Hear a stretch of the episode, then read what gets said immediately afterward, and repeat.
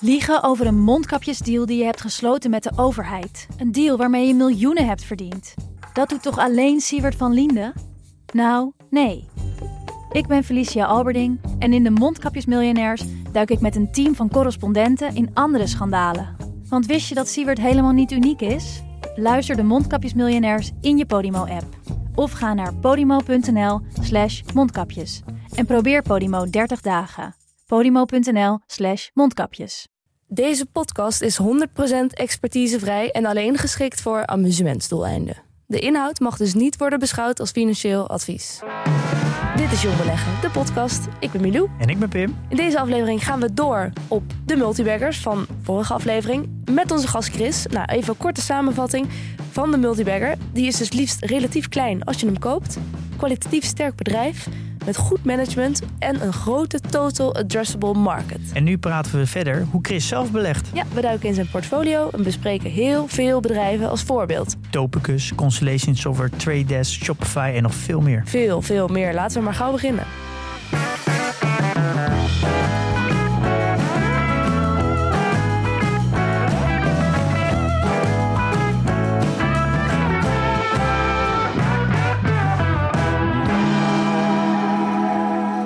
Chris, wederom welkom. Dankjewel dat ik hier opnieuw mag zijn. Ja, leuk dat je er opnieuw bent. Een vervolg op vorige aflevering. Eh, nou, we horen het al aan Chris' stem. Ook zeker als je vorige aflevering hebt geluisterd, dan weet je, die komt uit België. En we hebben het over multibaggers gehad. Heeft België wel eens een uh, multibagger voortgebracht? Het land België.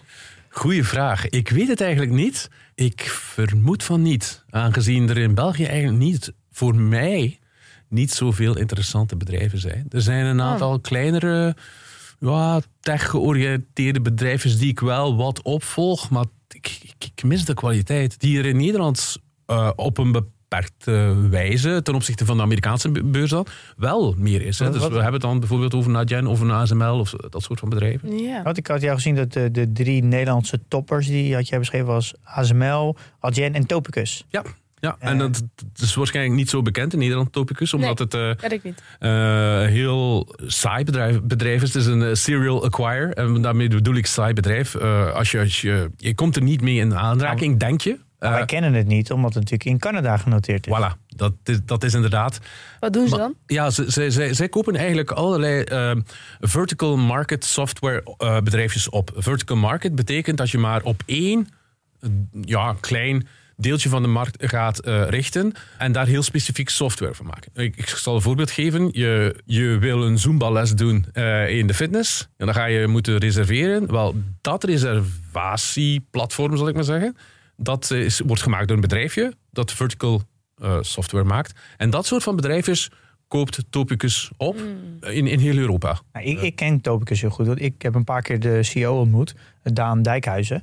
Uh, dat was nog via mijn andere bedrijf. Want zij maken software in Nederland. Dus het komt voor mij oorspronkelijk uit studenten uit Groningen. Zitten voor mij in Deventer, als ik goed zeg. Klopt. Uh, en zij maken... een heel, heel mooi verhaal. Ik weet niet of je het kent. Ze hebben uh, in de tijd verkocht aan Constellation Software. Dus ja. Constellation Software heeft hen gekocht. Is ja, ik denk twee jaar geleden ondertussen opnieuw afgesplitst van Constellation Software. Ik vijf jaar geleden verkocht en twee ja. jaar geleden weer afgesloten als spin-off. Het, het, mooie is dat ze eh, daar een speciaal bedrijf voor opgericht hebben voor die verkoop. En dat ze het uh, IJssel genoemd hebben. Uh, Deventer, IJssel. Maar ook ICL in het Engels. Vond ik eigenlijk heel leuk gevonden. Oh, fijn, ja. Ik verkoop. Ze, ja. hebben, ze hebben namelijk ook uh, hun eigen biermerk. En over cultuur gesproken. Het heeft een hele goede cultuur. Echt een development Dat klinkt cultuur. Belgisch. Ja.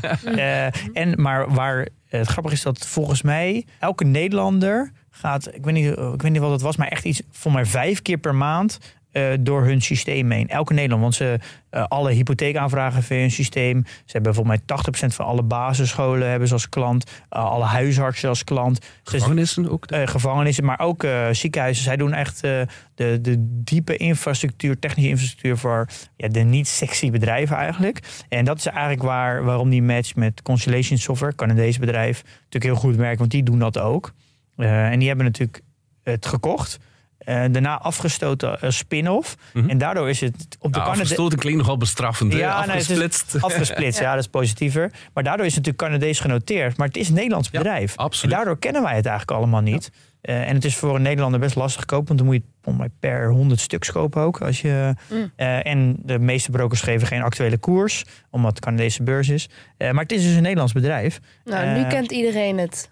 Ik Ja, volg is- het al een hele lange het is- tijd. Het is absoluut een, een, een, eh, een fantastisch kwaliteitsbedrijf. en eh, inderdaad, ik denk veel te weinig bekend hier. Het is ook nog ja, relatief klein. Hè? Dus een paar, paar miljard. Een paar miljard. ja. In, Ja. in, eh, in de internationale wereld is dat, is dat klein. Maar ik denk dat zij heel lang aan die pakweg 20 tot 25 procent kunnen groeien.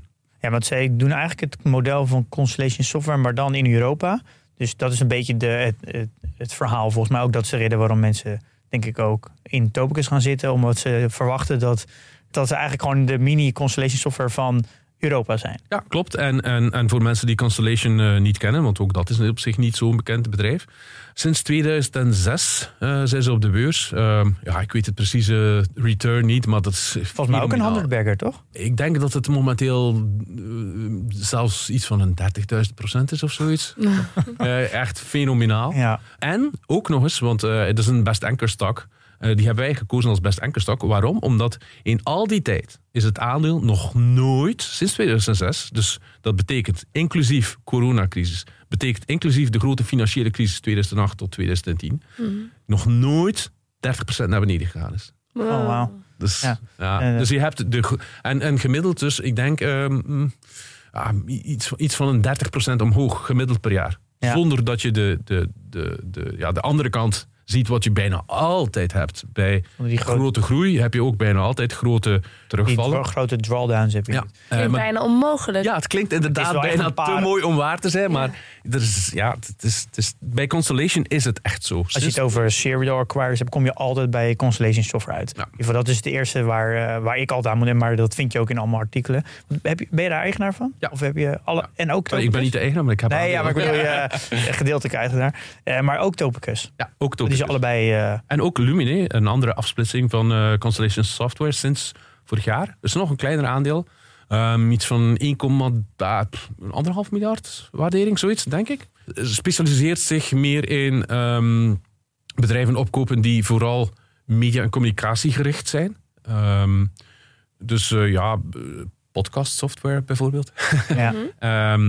Dus dat soort van bedrijven kopen zij op, maar niet uitsluitend. Dat is, is, het is ook. En- en het gaat ook over, over satelliet eh, eh, software en dat soort van dingen. Dus, eh, ja. Want je, want je, om weer even terug te komen, die Nederlandse aandelen. Je, je, heb je ook aandelen Adyen? ja, En Adyen, ook ook, eh, ASML? ASML. Dus ook, de- Hey, ook, ook als je dat, als je die twee gaat bekijken, want hey, dat is iets denk ik wat, wat zwaar onderschat wordt in Nederland. Ehm, en en ja, in Europa denk ik zelfs.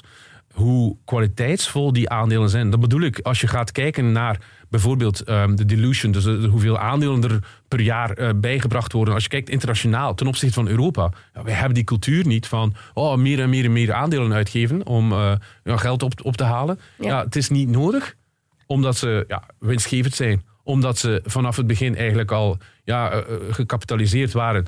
Eh Adyen door Pieter van der Does en anderen die hun vorige bedrijf verkocht hadden. Eh, ASML door Philips eh, toen de tijd. Met andere woorden, ze hadden het geld niet nodig. Ze hadden het geld niet nodig. En die cultuur zit er ook nu, nu vandaag nog steeds. Dus, ah, mocht, mocht ASML zeggen van oh, pff, we willen die 15 miljard ophalen, die kunnen dat in de vinger knippen. Ja. Ja.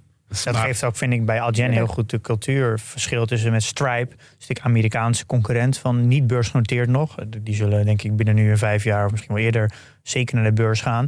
En daar is het natuurlijk tegen, totaal tegen echt Amerikaanse cultuur. Geld oneindig, blijf er maar geld ophalen. En eh, bij Adyen is het natuurlijk eh, veel zuiniger en eh, echt Ja. meer Nederlandse En cultuur. voor ik, voor ik Adyen kende, wou ik absoluut investeren in Stripe. En heb ik ook tegen mijn heel veel mensen gezegd van kijk, de waardering gaat belachelijk zijn. En toch ga ik investeren omdat het zo'n fantastisch bedrijf is. Nu, ik heb vorig jaar de kans gehad om te investeren in Stripe. Ja, privéronde. En ik heb dus informatie gezien. En dan geven ze natuurlijk niet dezelfde hoog niveau van informatie die je bij een beursgenoteerd bedrijf hebt. Maar je, je ziet wel het een en het ander. Je kunt die ook op online vinden. Het is een behoorlijke grijze markt hebben ze daar. Want En een, eh, ja, ja, ja, ja. ja. En ehm, ja, dus als je, als je Adyen kent en dan zie je de, de Stripe-cijfers, dan, eh, dan val je toch wel eventjes achterover. Ondanks het feit dat Stripe internationaal gezien ook nog een fantastisch bedrijf is. Adyen steekt er met kop en schouders bovenuit. Hmm. Ja, Ja. ik denk dat ik, ik ben al vanaf denk ik, aflevering 1 eh, fan van Adyen. Dat is een van mijn eerste Ja. aandelen. Ik, Ja, dat, maar ik denk dat dat langzaam nog niet helemaal. Het wordt wel langzaam gezien door de rest van de wereld, maar nog beperkt. Ja. Omdat het echt een, eh, omdat het Europees is. Dat, je ziet er zelden wat over in de Amerikaanse beleggingswereld. Daar hoor je zelden wat over. Die zijn de navelstaarderig daarvoor. Ja, die kijken gewoon niet boven. Ja, ik denk dat elke, elke markt is navelstaardig. Als je kijkt naar... Ja. Jullie zijn de uitzonderingen. We- jullie kijken internationaal, maar als je Wim en ik of wij Nederlanders? Ja, Nederlanders, Belgen, eh, Duitsers, Zwitsers, Fransen. Ja, Hm. zeker Fransen. Ehm, ja, die kijken heel nationaal en beperkt en, en provincialistisch bijna. Eh, ja. en, en terwijl, ja, jonge mensen die kijken gewoon internationaal. Wij, wij leven internationaal. Ik bedoel, je hebt mij leren kennen via Twitter. Je, je schrok toen, toen bleek dat ik, dat ik Nederlands sprak. Ja, dat wist ik natuurlijk in eerste instantie niet. Nee, want jij Ja. ik volg jou gewoon in het Engels. Ja, Dus, eh, dit, was ook helemaal verrast dat jij, dat, jij, dat jij Nederlands sprak. Dat kwam natuurlijk goed uit voor deze podcast. ja. Ja, maar over België, als je een, een paar aandelen in België moet doen die voor jou het meest interessant zijn voor de, de Belgische luisteraars. Ik ga er geen enkel noemen, want ik heb er zelf geen enkel. Nee, maar zijn er ook niet die mogelijk interessant zijn? Ik zie eigenlijk, ja, laten we, laten we het zo zeggen. Als jij mag beleggen in, voetbal, in een voetbalploeg en je kunt beleggen in Manchester City of je belegt in ehm SK Maldegem, een provinciale ploeg in eh, België, eh, waar ik woon trouwens, in Maldegem. Waar ga je beleggen? Ja, natuurlijk. Ja, ik, snap, ja, ik snap het punt. Waarom zou je natuurlijk? Ja, je- Ja, ik, ik vind, je moet die internationale toets gaan doen. En daarmee bedoel ik van, is er, eh, kan het bedrijf mee in die internationale top zien? In Nederland zijn er een aantal bedrijven, ik heb ze al genoemd. Er zijn er ook niet zoveel, hè? nee, Maar, maar in, in België zie ik daar... Ja, nee, ik zie... Ja, wat, wat het grootste Belgische bedrijf is, is eh AB InBev. En hoe, in hoeverre is dat nog Belgisch? Hè? Mhm. Ehm, Ja, je zei in de vorige aflevering, die total addressable market moet zo groot mogelijk zijn. Dus eigenlijk Voilà. is België per definitie, ja, valt Nou, het kan af. zijn natuurlijk dat ze iets maken wat over de hele wereld verkocht kan worden. En Dat Ja, ze alleen Ja, dat genoteerd zijn. En, en Adyen bijvoorbeeld heeft heel bewust vanaf het begin eh, naar die internationale. Ik denk zelfs, kan mis zijn, maar ik denk zelfs dat, de- dat zij zich eerst op Amerika gericht hebben en dan pas Europa. Ik bedoel daarmee naar product release. ja, eh, ze hebben zich daarna wel volop eh, op Europa gesmeten zij, qua hebben klanten. zich, zij hebben zich nooit een Nederlands of zeg eh, West-Europees gedragen. Dat klopt, dat klopt vanaf, de, vanaf de start al. Ja. En als je, als je dat niet hebt vanaf het begin, ja, dan krijg je dat er niet meer in. Ja. Dan, dan ga je dat nadien niet kunnen. Ja, van, oh, we zijn toevallig in ons hele kleine marktje. eh, ik bedoel, je hebt België dan nog, je hebt dan nog Vlaanderen, Wallonië. Nog een klein. En merk je ASML ook. ASML heeft nog nooit een euro omzet gemaakt uit Nederland. Ja, nee, en, en, en heel veel investeringen vanuit Amerika. gekregen. Ja, het is natuurlijk alleen maar buitenlandse klanten. Ja. Ja. Want, eh, voordat we echt eh, dieper in jouw eh, portfolio gaan. Chris Meijers, natuurlijk de schrijver van het boek De Handelberger, is natuurlijk extra interessant. Van welke posities heeft hij allemaal? Hij heeft een eigen fonds. Eh, Ik denk wel waar hij meer zijn familiekapitaal in beheert. Maar het is niet groot genoeg dat het eh, allemaal publiekelijk bekend moet zijn. eh, wat volgens mij vanaf een x aantal miljard wel moet, denk ik. Ik weet niet precies waar de grens ligt. Eh, maar hij geeft zoveel interviews en schrijft best wel veel artikelen... dat je toch een beetje bij elkaar kan verzamelen. Kan jij daar wat over delen? Eh, welke posities die allemaal heeft en wat je, wat je daarvan vindt? Ja, heeft, eh, heeft natuurlijk kwaliteit. Dus een, eh, heeft bijvoorbeeld eh Heiko. Ik, ik weet niet of je het zo uitspreekt. Heiko. Or, Heiko, ja. Ja, Heiko. Ja. Dat, dat maakt eh, vliegtuigonderdelen. Eh, maar maar de, de dingetjes waar je niet aan denkt. eh, bij wijze van spreken het voetsteuntje en, en dat soort van dingen. Dus de, de, de niet-tech eh, Ja. gedeelten van, van vliegtuig. Maar de hoge Maar ze, hebben, ze hebben daar, doordat, het, dat- doordat dat eigenlijk niet echt een gigantische groeimarkt is, hebben zij heel veel wat bedrijven opgekocht die dat soort Ja. van dingen doen. En daardoor kunnen ze zeer efficiënt gaan doen. En hebben ze toch een mooie... Ja, Het zijn onmisbare onderdelen, maar met een hele hoge marge. klopt, klopt. En, en ook een heel grote markt voor vervanging. Ja. Ehm, en daar halen ze heel veel uit. Omdat ja, het moet Ja. precies hetzelfde onderdeeltje zijn, anders past het niet. Ja, dan Ja. zit je natuurlijk in een heel mooie positie. Er is één iemand die dat maakt. Ja, Ja. ik moest heel erg denken, wel heel erg denken aan Alberts in Nederland. Of Alberts. Mhm. Eh, ook een beetje een serial acquirer eigenlijk in Nederland. Eh, want eh, ik zie dat hij vijf serial acquirers in zijn portfolio van, van de twaalf posities. Ja. Dus dat echt wel stevig. Ja, klopt. Ja, ik, weet dat hij onder andere met, met Constellation Software ook eh, ja, een gigantische fan van het bedrijf, om het zo te zeggen. En van daaruit is hij ook op de Zweedsmarkt. Er zijn heel wat serial acquirers op de Zweedse markt. Hij heeft daar onder andere Livco, eh Technion onder andere Ja, eh, en Evolution, ook Ja, oud Evolution Zweeds. Hij heeft Software. drie Zweedse bedrijven. Hoe komt die man in Zweden terecht dan? Ja, daar, daar is echt ook die cultuur van die serial acquirers. Dus de serial acquirers zijn uh, bedrijven die groeien. Bijvoorbeeld, als we het nu hebben over Constellation Software. Uh, Constellation Software, en ik, ik, ik ga er uh, een nummer op plakken en ik kan er uh, pakweg 10 naast zijn. Heeft vorig jaar 134 bedrijven gekocht.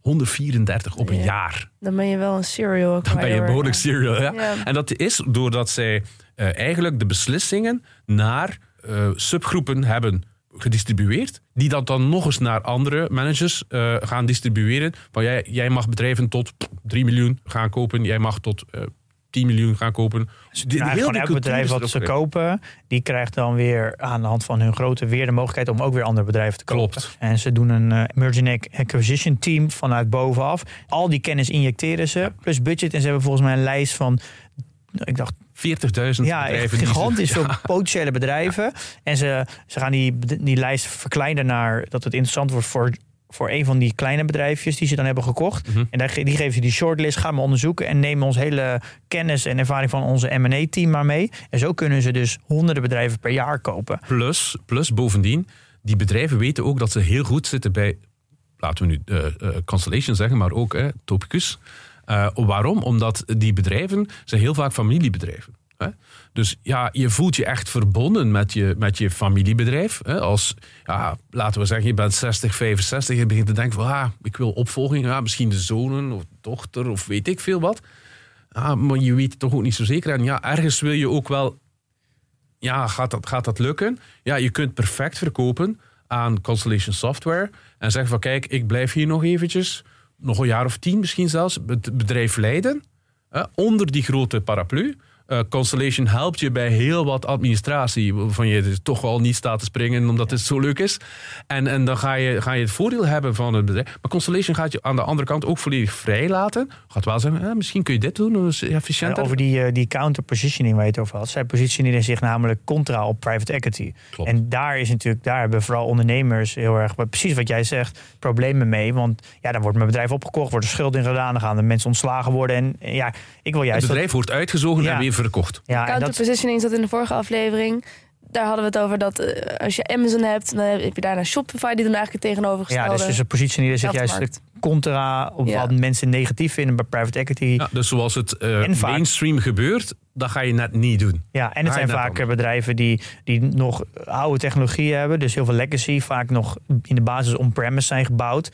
En Constellation Software helpt ook om die slag te maken naar de cloud. Waar vaak de oorspronkelijke founder niet de energie en tijd meer en geld weer in wil steken. Omdat die namelijk op het einde al zit. Ja. Dus het is de, de, de whole package maakt het heel interessant. compounding, hè, dus, dus eh, eh, groei op groei op groei op groei op, op gigantisch veel gebieden. Hè, telkens meer bedrijven kopen. Maar als jij een familiebedrijf hebt, laten we het nu familiebedrijf noemen, of een klein bedrijfje hebt, ja, jij gaat wel weten wie jouw beste concurrent is. En dan ga je dan ook zeggen van, ja, kijk, dat, dat ander bedrijf, daardoor groei ik niet meer zoveel. Ja. Oh, wacht eens, dan gaan we ook kijken. Misschien kunnen we dat ook kopen. Oh, is maar Ja. 5 miljoen. Want de gemiddelde, ik heb gezegd, 134, ah, nogmaals, kan er ah, plus of min 10. Hè. Ehm, de bedrijven die ze gekocht hebben, de gemiddelde grootte was, ik denk 3,6 miljoen of zoiets. Ja. Heel klein. Nou, wat ik dus, dat is ook wat ik heel erg las over waarom ze Topicus hebben eh, afgesplitst. Is dat die eh, lijst van die 40.000 bedrijven zitten vaak ook heel veel bedrijven die relatief klein zijn. En de, eh, volgens mij Constellation Software is nu 60 miljard of zo, 80 miljard waard. Waardoor dus als je een, ja, als je bedrijven voor nou, 20, 30 miljoen en zo onder de 100 miljoen koopt, heeft het natuurlijk eigenlijk geen effect meer. Dus dan wil je het liever Topicus laten kopen. Want daar heeft het nog substantieel effect op het geheel. Ja, gedeeltelijk, maar ja, kijk naar, naar 3,6 mi- miljoen gemiddeld. Als je, als je genoeg koopt, 134, nogmaals, hè, Ja. eh, ongeveer, ja, dan, dan, dan, dan heeft het wel nog effect. Hè? Dus eh, de, de, de hoeveelheid moet elk jaar omhoog. En vandaar dus. Maar de, de, de afsplitsing van Topicus had eigenlijk te maken met een, eh, een grote aankoop. Dus er is een grote aankoop gebeurd van een ander bedrijf. De naam ontsnapt me nu eventjes. En het was eh, eigenlijk interessanter om Topicus af te splitsen en dan eh, te mergen, te gaan samensmelten met het andere bedrijf. Was eigenlijk ja, efficiënter. En dat is eigenlijk de reden waarom het af. Ja, want ik, dat viel mij dus ook op. Dat is wel om de verwarring. Je hebt namelijk Topicus, de werkmaatschappij, en Topicus, de bovenholding. En in dat bedrijf wat jij zegt, die naam weet ik ook even niet. Die hangt dan onder Topicus de moedernaam. En, en naast de Topicus de werkmaatschappij. Dat- TTS? TSS? ja, het TSS, ja, volgens mij. Ja, dat klopt, ja. ja. Dus, eh, maar zeker interessant. Ik volgde al een tijd. Ik Alleen, denk niet eh, als het meest eh, simpele bedrijf, als ik het zo hoor. nou, Ah, ik- eigenlijk ik- wel. Eigenlijk wel. Het is gewoon, wij kopen andere bedrijven, die hebben cashflow. Met die cashflow eh, kopen wij andere bedrijven. En zo, zo gaat het verder en groeit het verder. Ja. Ik begrijp wat je zegt, maar eigenlijk wel. Eigenlijk op In zich, het, basissysteem is simpel. Je kunt het vergelijken met, bij wijze van spreken, een huis kopen. Je koopt meer en meer huizen met de huur die je krijgt van de mensen die erin wonen. Ja, koop je andere huizen Ja. en zo blijft het groeien. Als, Ja. het, als het gaat om kapitaalallocatie, waar we een aflevering over hebben gemaakt, kan je natuurlijk kiezen om het geld uit, eh, je, je schulden af te lossen, geld uit te keren in dividend of eh, share buybacks, of herinvesteren in je bedrijf door extra R&D. Maar je kan dus ook overnames doen. Maar statistisch gezien mislukken volgens mij 60, 70 procent, misschien wel 80 procent van alle overnames. Maar eh, er komt er namelijk dat ook bedrijven zelden een overname doen. Dus helemaal niet een M&A-team heeft zitten, dus merger and acquisition. Ja. Dus vaak een externe partij moet inhuren. Eh, en eh, Constellation Software en Topicus, die hebben gewoon die, die skill eigenlijk gewoon helemaal in huis genomen en geoptimaliseerd, waardoor ze onwijs ervaren zijn eh, met het overnemen van bedrijven. En daardoor is het een soort van USP geworden. En Dat ze is- kunnen Ja. ook heel goedkoop eh, kopen van, vanwege een, een aantal zaken. Ten eerste, zij kopen bedrijven die niet groeien. En dat klinkt misschien raar. Zij kopen bedrijven die stabiel zijn of, of lichtjes zakken.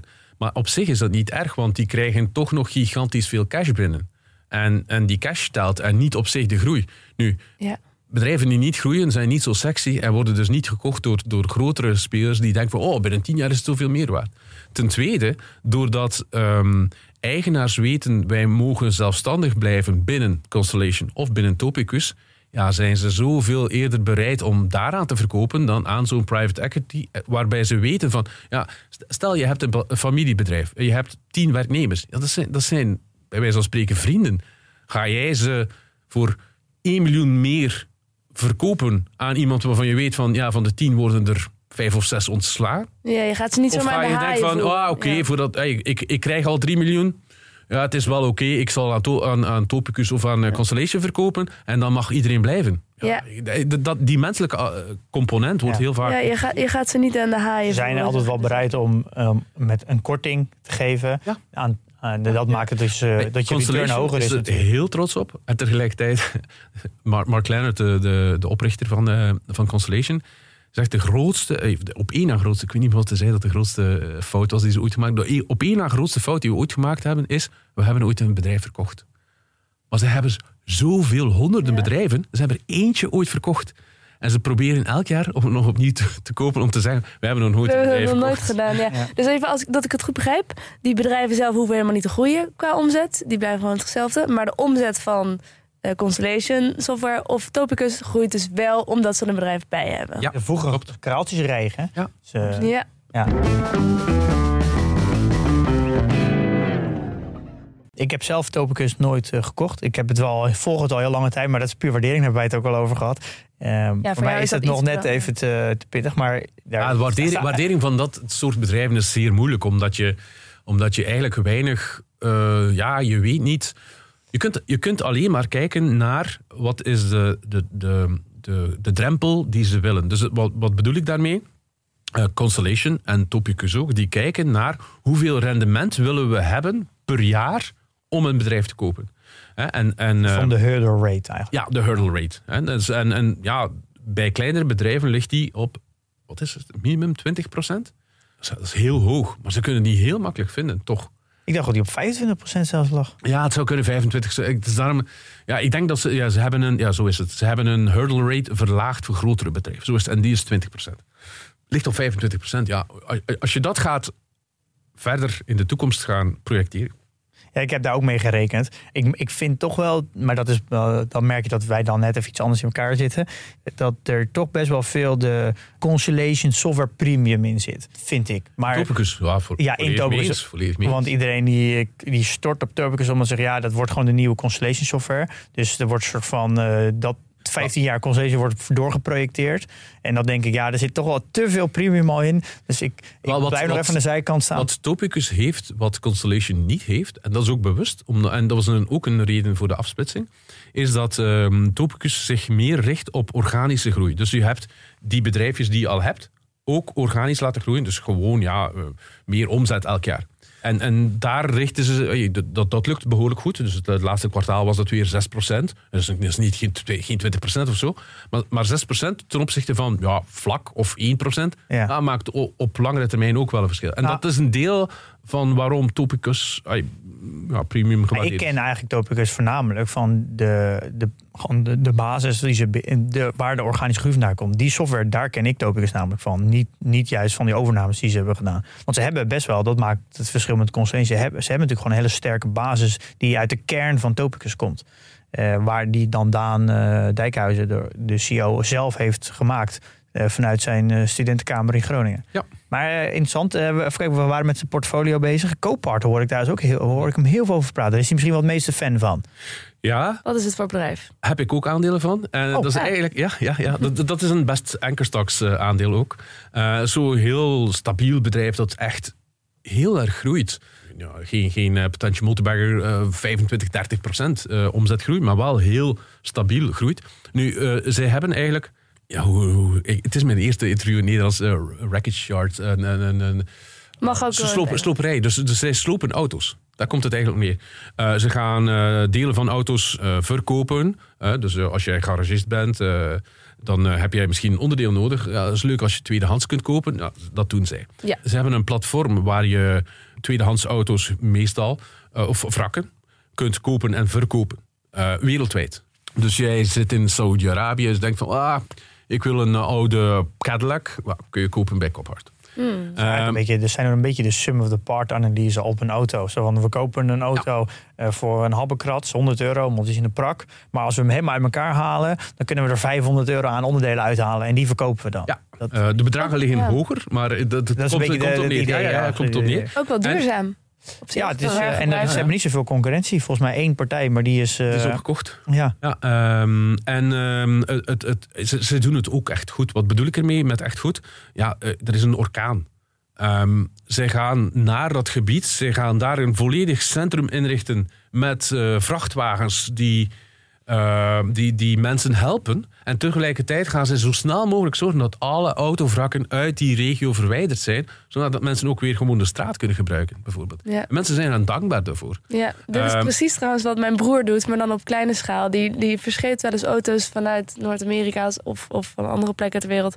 Waar dan een auto heel lang onder water heeft gestaan of zo. Of eigenlijk daar gewoon totaal los is. Nou, die komt dan hierheen. Op dit moment staat de enige... Nee, wacht even, hoe zeg je dit? Er is een type saap eh, die niet eigenlijk in Europa voorkomt. Maar nu, sinds Morris hem heeft geïmporteerd, staat die op Europese bodem als enige saap. Oh, ik weet even niet meer type, maar dat En doet heb hij. je wel eens gevraagd of hij Copart kent? Nee, ik- is voor ik het eerst dat denk- ik er nu van hoor. Als, als, hij, als hij, hij koopt dat via internet? Dat denk ik. Ja, ik weet echt niet precies hoe je het aanpakt. Maar Heel, heel, heel veel kans ook dat het verhaal zo... met de orkaan. En eh, ja, dus nou, ik zal het, eens- ik zal het Wel, het is vragen. zo'n typisch bedrijf dat weer op de achtergrond zit. Nu, eh, je zou denken van, ah, pff, wel, is dat nu een groeibedrijf? Wel, eigenlijk wel, omdat, wat zie je, Eh, auto's zijn tegenwoordig veel complexer dan ze vroeger waren. Eh, er zitten gigantisch veel sensoren in. Maar daardoor gaat, eh, gaat een eh, verzekeringsmaatschappij, dus Copart heeft, heeft eh, heel veel contracten met verzekeringsmaatschappijen, gaan veel sneller zeggen, ja, total loss. Omdat die chips zoveel kosten om ja, te vervangen. Ja. Waardoor de, de, de auto nog meer waard is. En ja, dus het, het, het, het, het aanbod ook veel groter is voor, voor Copart. Ja. Omdat de auto's veel sneller total loss worden verklaard. Ja, interessant. Ja, zijn er eh, nog andere bedrijven die, eh, die bespreken waard zijn uit het portfolio van... eh, Ja, ik, ik, ik heb op zich... Allee, ehm, ik vind zijn portefeuille... Hij zal, hij zal nooit een, een 100-bagger hebben. Daar ben ik eigenlijk redelijk van overtuigd. Ja? Omdat hij koopt eigenlijk... Hij is, en hij zegt dat zelf ook. Hij, hij, hij is bang van die volatiliteit. eh, die, die, die echte 100-baggers hebben. Hij kent zichzelf. Hij kent zichzelf. En dat is wel heel goed. En de, de kwaliteit in zijn eh, portefeuille is fantastisch. Maar, eh, ik heb potential multibaggers, ik heb best anchor stocks. Dit zijn voor mij zijn dat best anchor stock aandeel. Dus die gaan echt wel volgens mij het, het beursgemiddelde eh, verslaan. Maar op, op, op langere termijn. Maar niet met levensveranderende uh, ja, potentieel van ja. het, het, is maal 100 gegaan en Dit- kijk dit- eens nu. Dit is ook de vraag die hij heel veel kreeg als hij geïnterviewd werd. Van ja, maar waarom bestaat jouw portfolio dan niet voornamelijk uit potentiële 100 baggers? En daar zegt hij inderdaad, eh, inderdaad dit over. Maar zegt hij over ja, als het een eh 10 bagger wordt of een 20 bagger, daar, daar ben ik zelf ook heel tevreden mee. Voilà, ben ja. ik, zeg ik ook altijd, ik, ik, ik mik voor 10 baggers. Ja, is het maar, maar, tussen aanhalingstekens, hè, eh, maal 8 na 10 jaar of maal 5. Ja, dat is ook goed door kan Ja, mijn leven. Dat is iets wat we natuurlijk niet moeten onderschatten. Dat als een aandeel eh, gewoon keer 400, 500 gaat, dat is echt gigantisch. Want dat, ja, dat, dat, heet- dat maakt al als aan, een paar aandelen met min 30 gaan, dat maakt het eh, al zoveel goed. Het is echt. eh, het is gewoon een paar honderd procent is al echt een gigantisch. Je kan bijna niet voor- voorstellen wat, het, wat een effect van een handelberger in je portfolio is. Dat betekent al waarschijnlijk dat het op een gegeven moment gewoon voor 95, 99 procent van je portfolio uit één aandeel bestaat. Ja. Nu, als je, als je kijkt, en eh, da- da- daar gaan we het sowieso nog over hebben, dus ik zal er zelf voor beginnen, de coffee can eh, approach. Ja. Ehm, dus eigenlijk gaat het over, daar begint het, het boek 100 Baggers ook mee. Van, hè, je hebt, je- stel je voor, je hebt aandelen, je steekt die in eh, een koffiekan.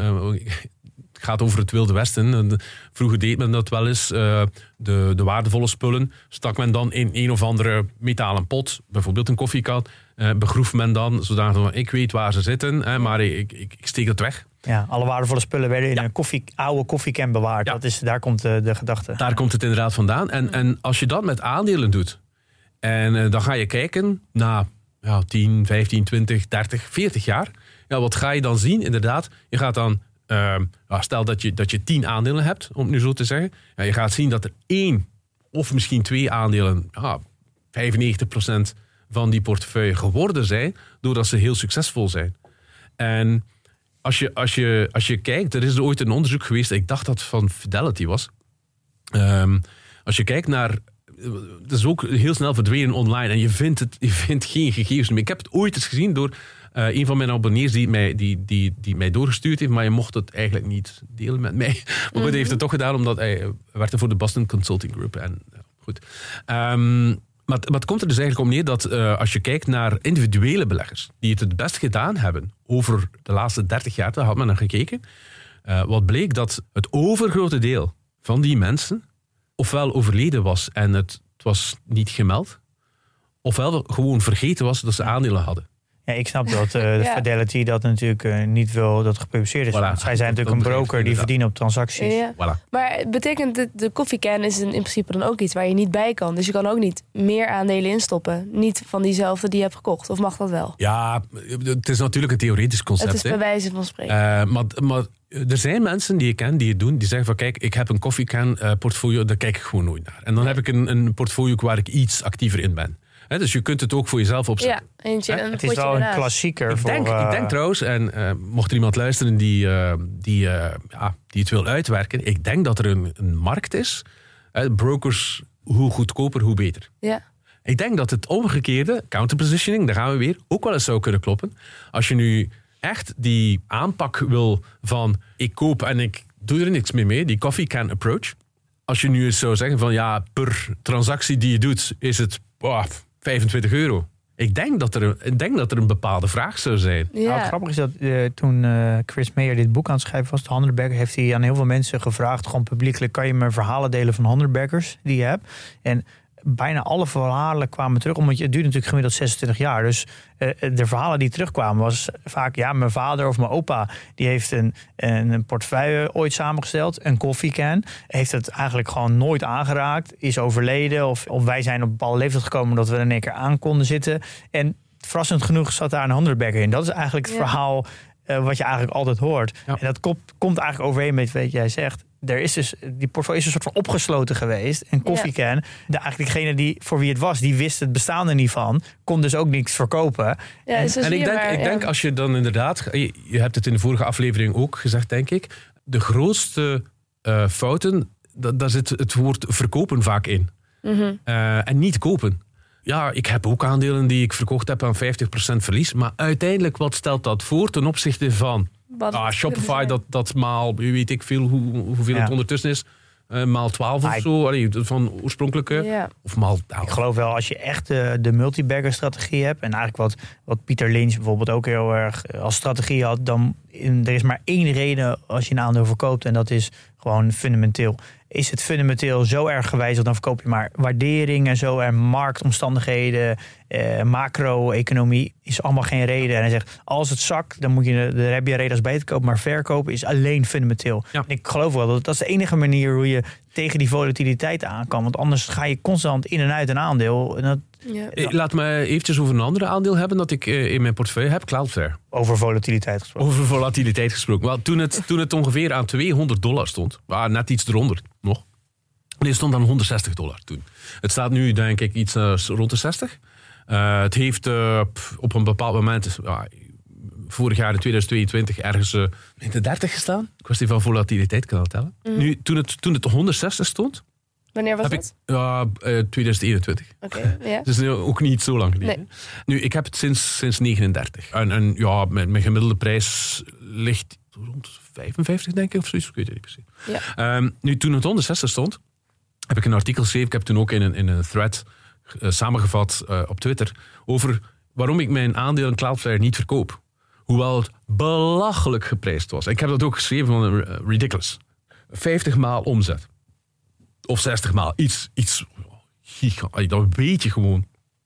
Dit is belachelijk duur. Maar goed, eventjes. Dat is altijd heel makkelijk. Mensen denken van... Ja, ja, ik, ik had het moeten verkopen. Ja, maar dat is met, met informatie achteraf. Goed, als je op dat moment kijkt... En ik heb het toen geschreven, toen dat naar 160 stond. Van, kijk, ja, ik vind dit nu belachelijk duur. En toch verkoop ik niet. Waarom niet? Wel, ten eerste... Ja, wie zegt dat het van 160 niet naar 250 kan gaan? Ja. Hoe ga ik mij dan voelen? Een idioot natuurlijk. Een idioot. Ten tweede, stel ik verkoop nu. Ja, wanneer is het dan goedkoop genoeg om opnieuw te kopen? Of stel, het gaat eerst naar 250 en het zakt terug naar 160. Denk ik dan van, hoe? Kom maar snel terug. Ja. Dan ben ik mijn transactiekosten kwijt. Ja. Of moet ik dan zeggen, ik wacht tot het naar 130 gaat. Of naar 100. Of misschien naar 75. Waar ga je dan weer het moment hebben dat je zegt van, ja, nu koop ik. Uiteindelijk allemaal emoties waar je dan Het, uit het heeft te maken met emoties. Het heeft te maken met ja, ook het gevoel dat je zelf hebt, dat je jezelf aanpraat. Voor een groot stuk van ja, het is nu te duur. Ja, tuurlijk is het te duur. Dat ziet iedereen. Ja. Maar wat ga je ermee doen? Ga je ooit nog kunnen die mentale drempel overgaan om het opnieuw te kopen? En aan welke prijs dan? Ja. Ja, ik, ik, Ja, de- goeie ik ben het zeker met je eens. Maar de nuance vind ik wel altijd, en dat is de reden waarom je eigenlijk niet zo goed kan, tegen anderen kan zeggen dat ze iets moeten doen. Want je moet dit verkopen je moet het kopen.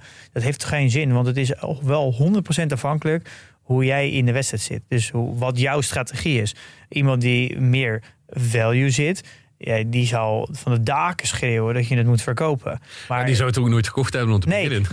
nee er- ja. maar in jouw strategie dat je zoekt naar multiplier, dan moet je ook wel vasthouden aan dat je alleen maar verkoopt als fundamenteel wijziging. Want anders laat je natuurlijk een potentiële multiplier gewoon gaan op waardering. En, dat, en je weet dat, dat met een waardering die, eh, om het zo volatiel is, dat het soms heel erg overshooting is en soms undershooting. En dat is, dat is inderdaad, en dat is een van de, eh, van de leuke en tegelijkertijd soms irritante eh, zaken van beleggen. Dat, dat mensen altijd willen dat iemand anders hun spel speelt. Dus zij denken van, ik beleg zo en iedereen moet het zo doen. Wat Ja. compleet belachelijk is, want iedereen is anders. Waarom zou iedereen dan hetzelfde moeten Ja, doen? en het risico, risicoprofiel is anders, je risicotolerantie. Ja, ik bedoel, Maar- sommige mensen, inderdaad, in gemiddelde, eh, gemiddeld worden aandelen zeven maanden gehouden. Ja, voor mij is het twintig jaar of langer als er fundamenteel niks verandert. Dus ja, waarom, waarom zou ik dan moeten eh, spel spelen van iemand die ja, misschien maar voor drie maanden in een aandeel zit? Dit is naar mijn idee, vind ik eigenlijk wel waarom natuurlijk de reeks- meeste rijk, de rijkste mensen in de wereld natuurlijk altijd founders zijn. Omdat die natuurlijk, eh, er is geen haar in hun hoofd die denkt om aandelen te verkopen als het de koers beweegt. Die verkopen nooit. Ja. Dat is natuurlijk de reden waarom, eh, waarom ze eigenlijk founder zijn. Wel, ik, ik heb ooit eens de vergelijking gemaakt van, stel je woont in een huis. En dat huis is, oh, zeg maar eens, 300.000 euro waard. En plots komt er een bekende persoon naast je wonen. Hè, ehm, neem jullie favoriete bekende persoon, eh, eh, eh, luisteraar. Uh, Warren En- Buffett. Oh ja, voilà. Eh, Warren Buffett komt, komt naast je wonen. En ehm, jouw huis gaat natuurlijk, boom, maal drie, maal vier, maal vijf, ik weet het niet, maal tien, maal vijftien. Wat ga je doen? Wo- Woon je er graag? Ja of nee? Wil je er blijven wonen? Ja of nee? Is het van, ik zit nu in de juiste fase van mijn leven om dat huis te verkopen? Of denk je van, ja, ik heb dit net gekocht. Dit is voor, mijn, voor mij, mijn familie. Of Ja. ik heb het al heel lang. Ook, ook dat. Welke emotionele waarde heb je? Maar goed, Warren Buffett verhuist opnieuw. Maar die, die verhuist niet van altijd. Het is een huis van, eh, wat is het, 1958 of zoiets, waar hij 50.000 dollar voor betaald heeft. Maar goed, Ja. de denkbeeldige Warren Buffett verhuist opnieuw. En jouw huis wordt weer zoveel minder waard.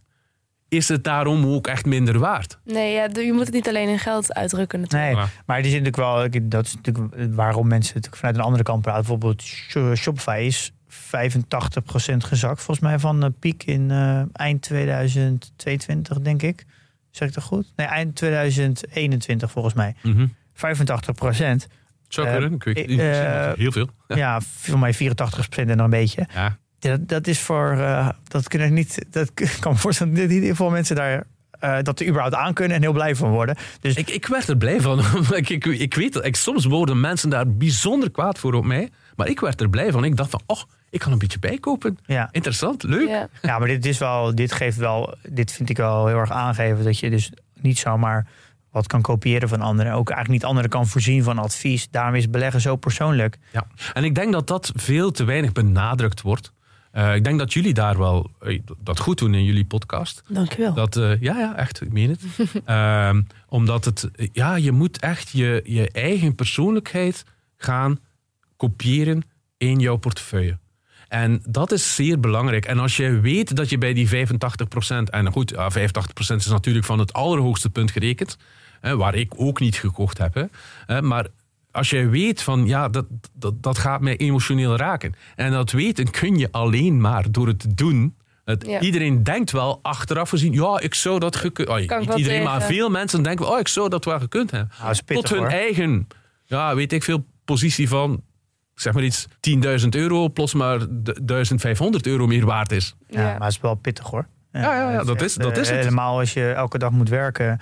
eh, en het is gewoon letterlijk spaargeld. eh, ja, je, Ja. het is gewoon bloed, zweet en tranen geld zitten in je portfolio. Dat is best pittig hoor. Tuurlijk, dat is zo. Dat Ik is denk jij dan ook wel in 2021 wel echt een flinke, eh, Eh, een flinke daling ik denk dat mijn portfolio eh, op een bepaald moment min 57% stond. Ja. Ja.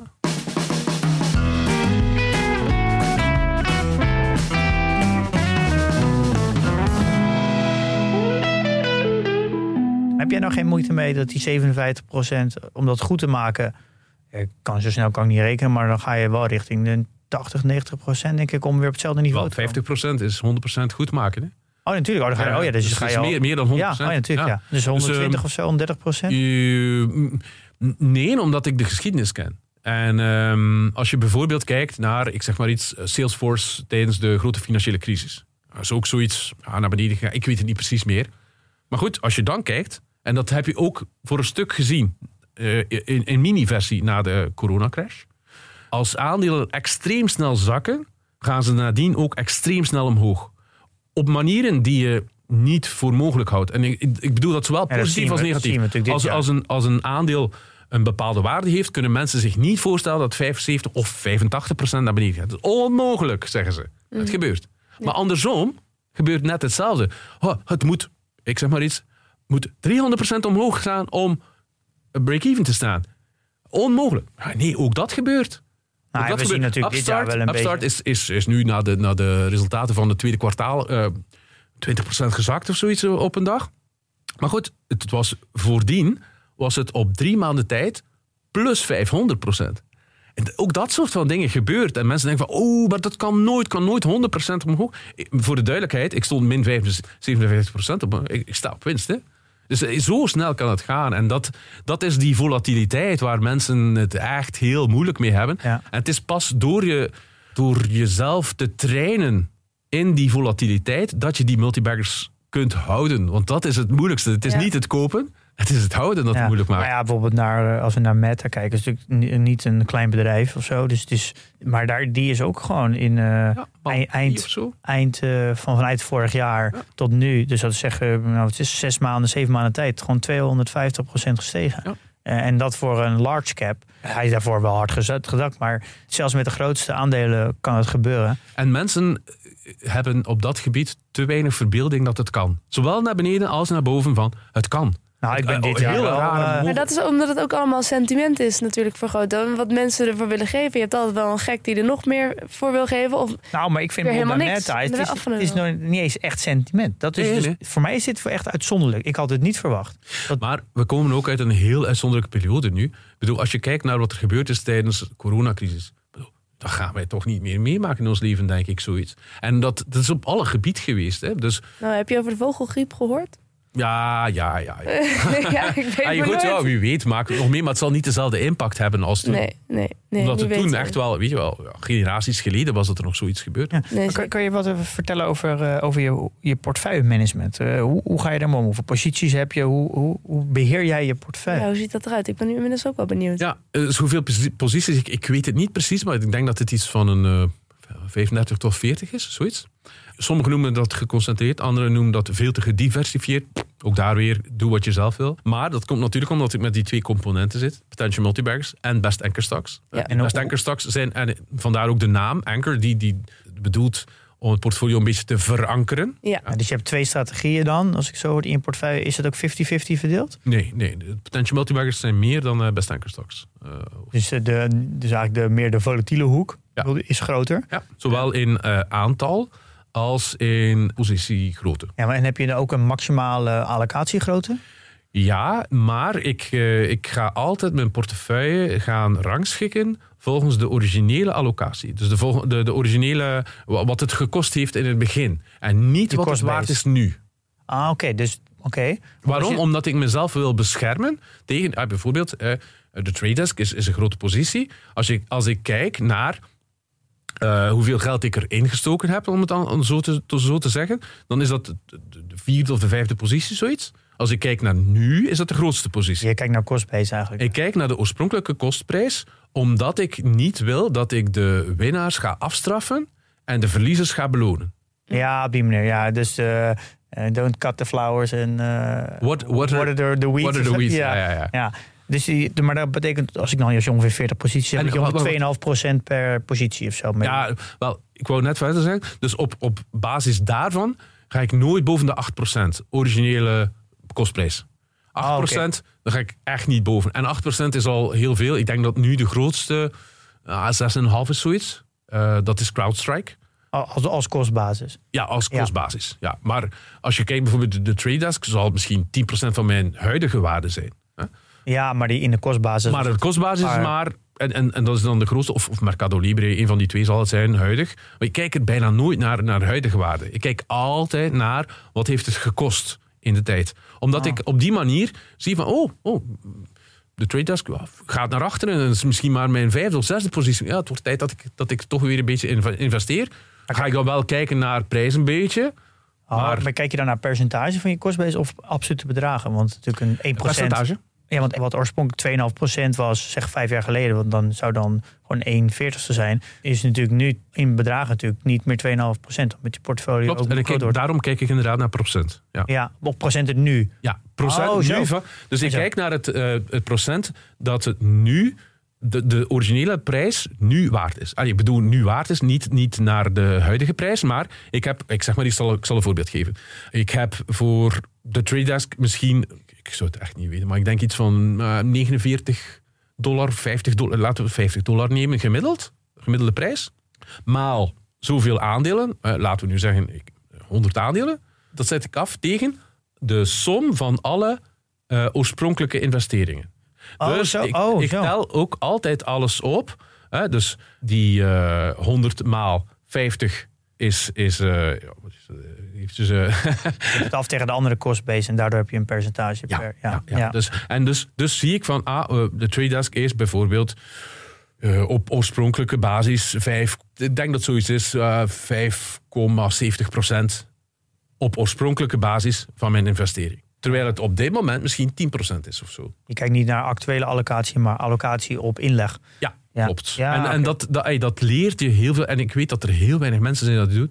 Probeer dat eens. En heel vaak heb je daar een eh, Excel eh, of, of Nou, wij, krijgen sheets die- voor, voor nodig, omdat ja, de- je broker geeft dat gewoon niet. nou, wij krijgen deze vraag wel, wel vaak eigenlijk in voor de software, portfolio dividend tracker. Wij laten de allocatie zien aan de hand van marktwaarde en niet op costbase. Maar we krijgen die vraag best wel vaak van kan ik ook kan je ook niet een extra kolom bijmaken met een percentage op costbase? Ik denk dat dat eh, heel, heel, heel, heel nuttig we krijgen is. dat voornamelijk van beleggers die in groeiaandelen zitten. Ja. Eigenlijk een beetje wat jij schetst. Eh. Voor de value is dat wat minder belangrijk. Ja. Eh, Wel, ook daar vind ik... hey, ook daar is het wel belangrijk, denk ik. Omdat bijvoorbeeld, stel je hebt een, een value aandeel en dat is pff, 25, 30 procent gezakt. En dan ga je zeggen van, oh, dit is nog een relatief kleine positie, terwijl je er al misschien heel wat geld ingestoken hebt ten opzichte van de rest. En dat het misschien beter is om, ja, misschien mis je gewoon eh, bepaalde informatie. En is het misschien beter om je, je blootstelling aan dat aandeel, zal ik maar zeggen, je exposure eraan niet te groot te maken. Ja. En dan, dat zie je alleen maar op basis van de originele prijs. Ja, ik ben er zelf niet zo'n fan van, omdat ik namelijk, dat zijn naar mijn idee getallen uit het verleden. Ik kijk liever gewoon naar nu en toekomst. Eh, dus ik kijk naar wat voor wat het geld wat ik verdiend heb op een aandeel. Ja, dat, is, dat heb ik nu. Dat is letterlijk nu wat ik heb. Eh, ik kan het nu liquideren en dan heb ik het. Dus ik kijk naar gewoon de percentage nu. Dat is ook waar mijn risico naar exposed is. En ik kijk naar de toekomst. Dus, eh, Ja, maar dan die- zit, je, dan zit je met het probleem van een zwak aandeel dat het, dat het zwak doet. Misschien omdat je bepaalde informatie mist. Kan dan misschien beloond worden van, oh, het is maar een kleine positie. Terwijl je misschien al ja, behoorlijk wat geld in, ingestopt hebt. Maar het gewoon het niet goed doet. En het, het misschien, ja, heel vaak...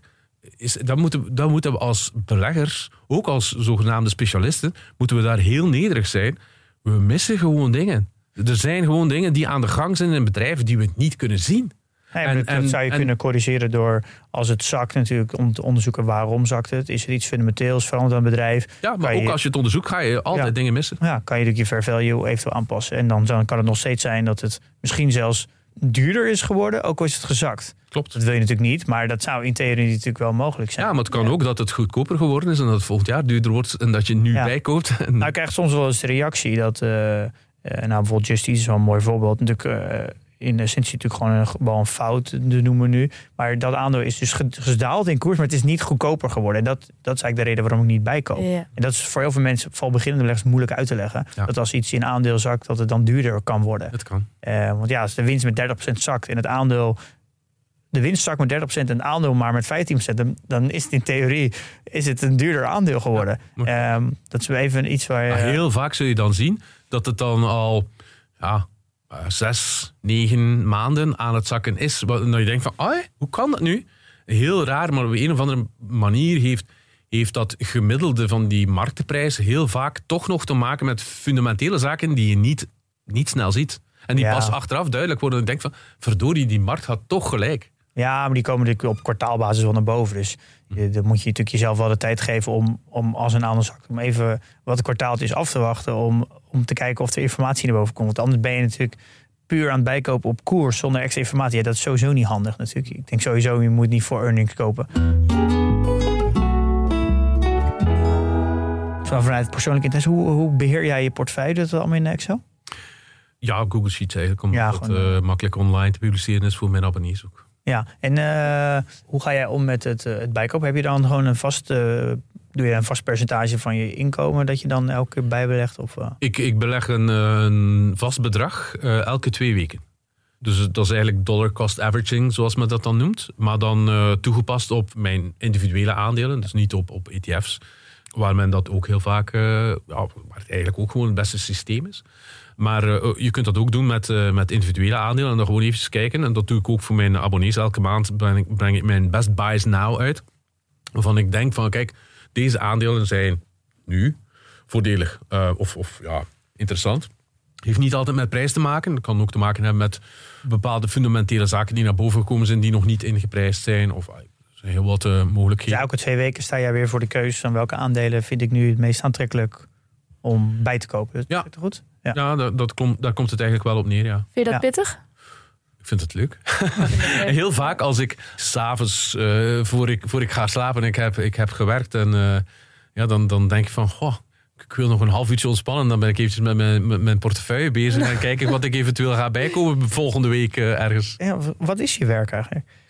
Ik schrijf over aandelen. Dat is, dat oh, is dus wel, je, Ja, dat is- oh, dus je bent de hele dag met aandelen bezig. En die ontspanning s'avonds is... is, is aandelen. Ja, ja, precies. Ja, nee, nee, nee. Kijk, ik heb ook wel heel wat andere hobby's. Je bent ook een... eh, vervent- fietser. ja, en lezer toch ook? En Non-fictie? lezer, ja, ja, ja. En fictie en non-fictie? Fictie en non-fictie. Ja. Dus eh, zowel romans als, eh, als eh, ja, non-fictie. Zowel financieel als niet financieel. En luisteraars kunnen jou ook vinden. Dus je schrijft op Seeking Alpha. En dat is een soort groep. Je kan daar lid van worden. Eh, Dat Seeking Alpha is eigenlijk het grootste informatieplatform voor beleggers, eh, Ja. voor individuele beleggers eh, ter wereld. Er zitten ongeveer er zijn meer dan 20 miljoen accounts. En eh, je kunt daar een aantal gratis artikelen ehm, lezen als je dat is met een, een- minimum of een maximum sorry van ik denk vier of vijf per maand of zoiets ja. van publieke artikels. Je kunt mensen volgen, je kunt commentaar geven en zo verder. En ik heb daar eigenlijk als het ware op dat platform mijn, mijn, mijn eigen twee winkeltjes. ja, dat zijn ze van Value to Growth. Nee, nee, From Growth to Value Oh, is Excuus. From Growth to Value is mijn, eh, mijn schrijversnaam. Ja. En, ehm, en, en op Twitter bijvoorbeeld is het ook eh, From Growth to Value, Ja. at From Value.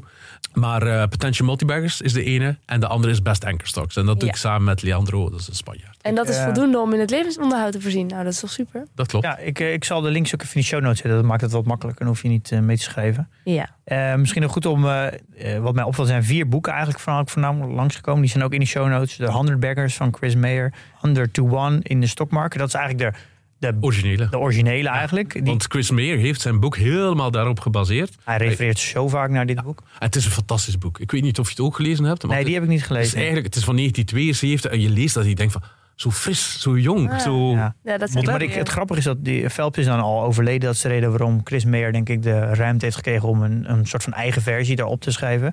Maar Chuck Aker, hebben we het een keer gehad bij de Compounders, die three-legged stoel, eh, eh, die refereert ook heel vaak naar dit boek. En eh, eh, Peter Lynch natuurlijk met Once Upon Wall Street refereert ook heel vaak naar dit boek. Dus dat is wel, we gaan het binnenkort een keer hebben over Chuck Aker. Dus, die belegt voornamelijk ook in Compounders, heeft ook Constellation Software en ook Topicus in portefeuille. Klopt. En er wordt heel vaak gerefereerd naar de Outsiders van Thorndike. Ja. Die heb ik ook gelezen. Ja, heel, heel goed boek, ook voor mensen die nog, die nog nieuw zijn. denk ik dat het, eh, zelfs als je, als je niet zo geïnteresseerd bent in de financiële markten, is dit, is dit een heel leuk boek om te lezen. Lees het heel makkelijk weg. Ja. Ja, het leest heel makkelijk weg. En je ziet dus mensen die anders denken over de realiteit. En dat vind ik Ja. altijd leuk. Ja, daar ben ik ook fan Het gaat van. een beetje over founders en, en eh, CEO's en zo. Eh, en de security analyst van uh, BTM Crane wordt ook vaak naar gerefereerd. Eigenlijk doet is heel saai. Ja, maar dat, dat zegt Chris, Chris. Die zegt eigenlijk van elke keer als je weer over waarde- waarderen wil, dan ga maar dat boek lezen. Dus die hij probeert zijn boek heel erg te, te beperken naar echt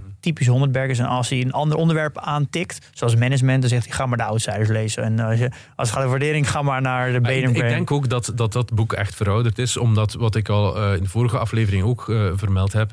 Je, er is nu zo een, eh, verspreiding van informatie dat je die eh, goede aandelen voor een goedkope prijs, een extreem goedkope prijs, eh, zoals Benjamin Graham en, en dat het, het ja, voorspiegelde, dat je dat gewoon niet meer vindt. Als er een extreem goedkope prijs is, zit er meestal een vlieg op ergens.